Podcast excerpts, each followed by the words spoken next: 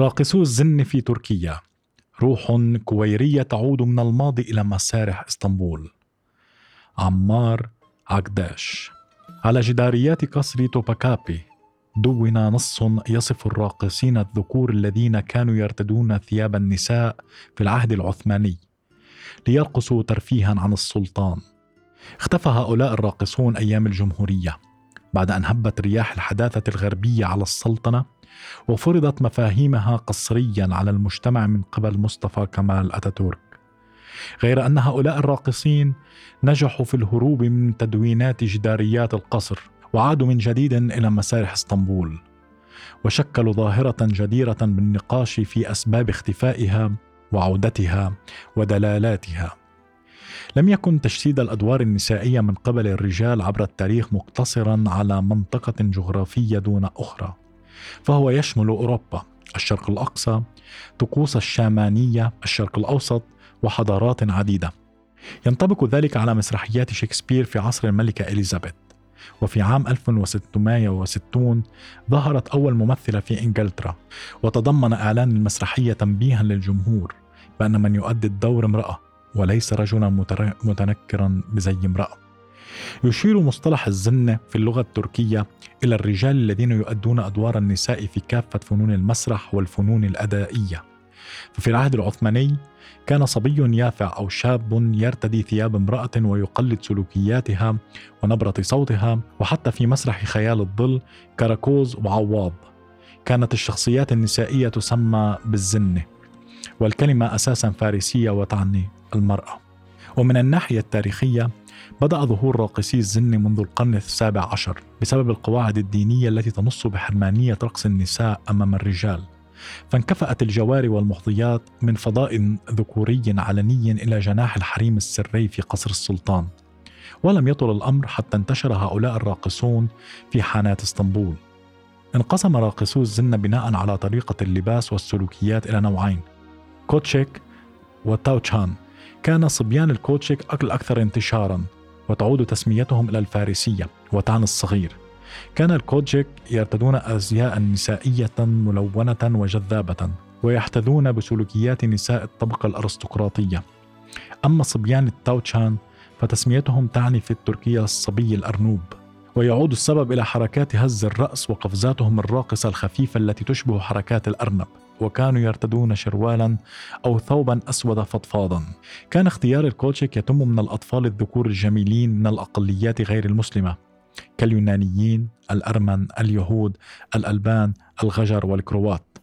ويخضعون لتدريب صارم منذ نعومة أظافرهم. ويستمر هذا التدريب حتى يبلغ الرابع عشر أو الخامسة عشر. حينها يبدأون الرقص كمحترفين ويستمرون فيه حتى اكتمال لحاهم. أو فساد جمالهم. كما يذهب التعبير التركي حينها. كان الكوجيك يرقصون في كل الأماكن والمناسبات في احتفالات السلاطين في بيازيد في محلة تحت القلعة في القرن الذهبي وعلى البوسفور في الساحات العامة والحانات وفي خيم تنصب خصيصا لهذا الغرض وفي المقاهي التي تعزف فيها الموسيقى الشعبية. لا نعثر على الكثير من كتابات المؤرخين الأتراك عن راقصي الزنة. لأن رقصهم اعتبر غير لائق أخلاقيا. ويعتبر كتاب سورنامي هومايون أهم السجلات المحلية التي وثقت الظاهرة. ويقدم الكتاب مجموعة من الصور توثق احتفالات البلاط السلطاني. يظهر في إحدى الصور التي تعود إلى عام 1582 كوجيك يرقص وبيده صنجات بمرافقة سبع موسيقيين. بالمقابل تحدث كثير من الرحالة والمستشرقين الغربيين عن راقصي الزنة وركزوا على الجانب الغرائزي والإيحاءات الجنسية في الرقصات مثل جول كوفل الذي وصف الراقصين بأنهم ذوو مهارة فائقة ويثيرون الشهوات والغرائز.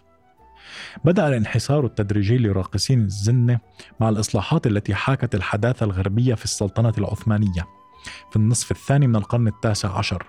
وتمت من خلال ما عرف بالمشروطية أي التمسك بمبادئ الدستور والتنظيمات أي إعادة التنظيم.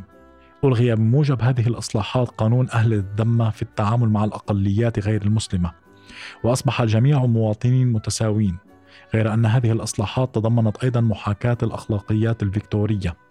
فمنع السلطان عبد المجيد عام 1856 رقص الزنة ومنذ ذلك الحين وراقصو الزنة ينسحبون تدريجيا من المسارح والمساحات العامة وصولا إلى عهد الجمهورية الذي شهد محاولات أتاتورك لخلق هندسة اجتماعية قصرية تحاكي النمط الغربي حينها اختفى راقصو الزن وأصبحوا شبحا من الماضي.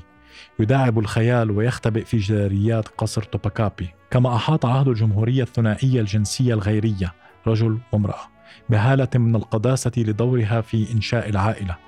نواة الأمة مع تقديس كبير لدور الجيش الذي بات تكثيفا لكل مفاهيم الفحولة موضوعة في خدمة الدولة والأمة. وحلت الراقصات النساء محل راقصات الزنة واحتللنا المسارح من جديد. عبر وصول حزب العدالة والتنمية إلى السلطة عن هوية إسلامية خفية طالما حاول الأتاتوركيون إخفاءها. وترافق قدوم الحزب إلى السلطة مع ميل نحو إحياء وتمجيد الماضي العثماني. باعتباره يجمع بين المجد القومي والتقوى الدينية. هذا الحنين إلى الماضي العثماني لم يكن حكرا على الإسلاميين بل ملمحا عاما في اسطنبول عاصمة الإمبراطورية العثمانية والمدينة المتروبولية الكبرى أيام الجمهورية. هذا ما عبر عنه الروائي أوروهان باموك حين تحدث عن أثر التحديث الأتاتوركي على إسطنبول والذي اختفت معه فجأة أجزاء كاملة من الثقافة العثمانية. لكن طيف الماضي لابد أن يعود طالما لم ينجز قطع حقيقي معه. على المستوى الاجتماعي وعلى مستوى الهوية القومية التي شكل وجها خفيا لها.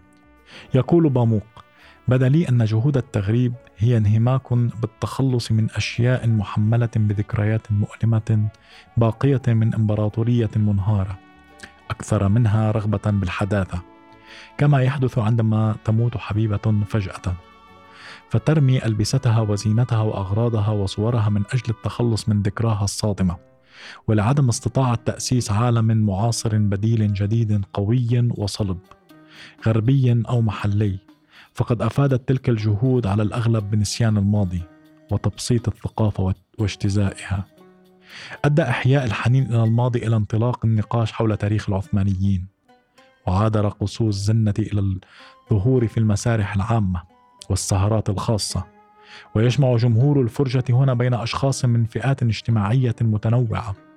تضم العلمانيين والليبراليين الذين يجدون في الزن متعة وتسلية مختلفة ذات طابع نوستالجي. ويمكن أن نضم السياح الأجانب إلى هذه الفئة. إلى جانب هؤلاء توجد فئات محافظة تفضل وجود راقص الزنة الذكر بدلا عن الراقص الأنثى.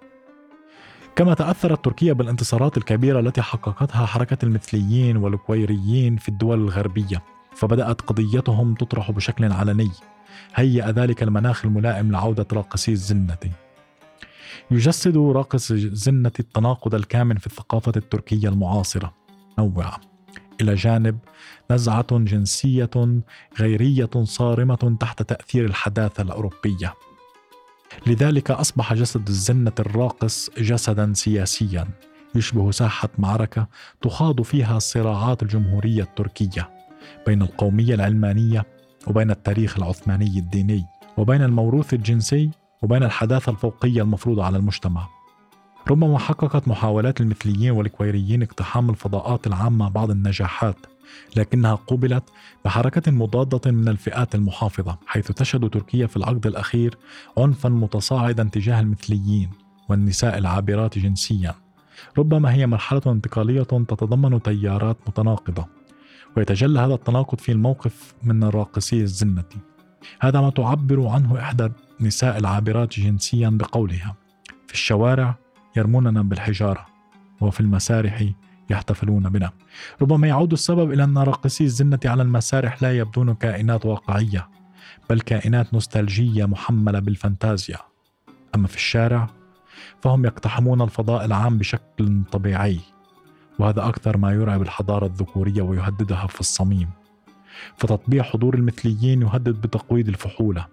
الفحولة التي تبدو في تركيا بنية متكاملة تجمع فحولة العسكر حرمانية الخطاب الديني وأحادية الخطاب القومي.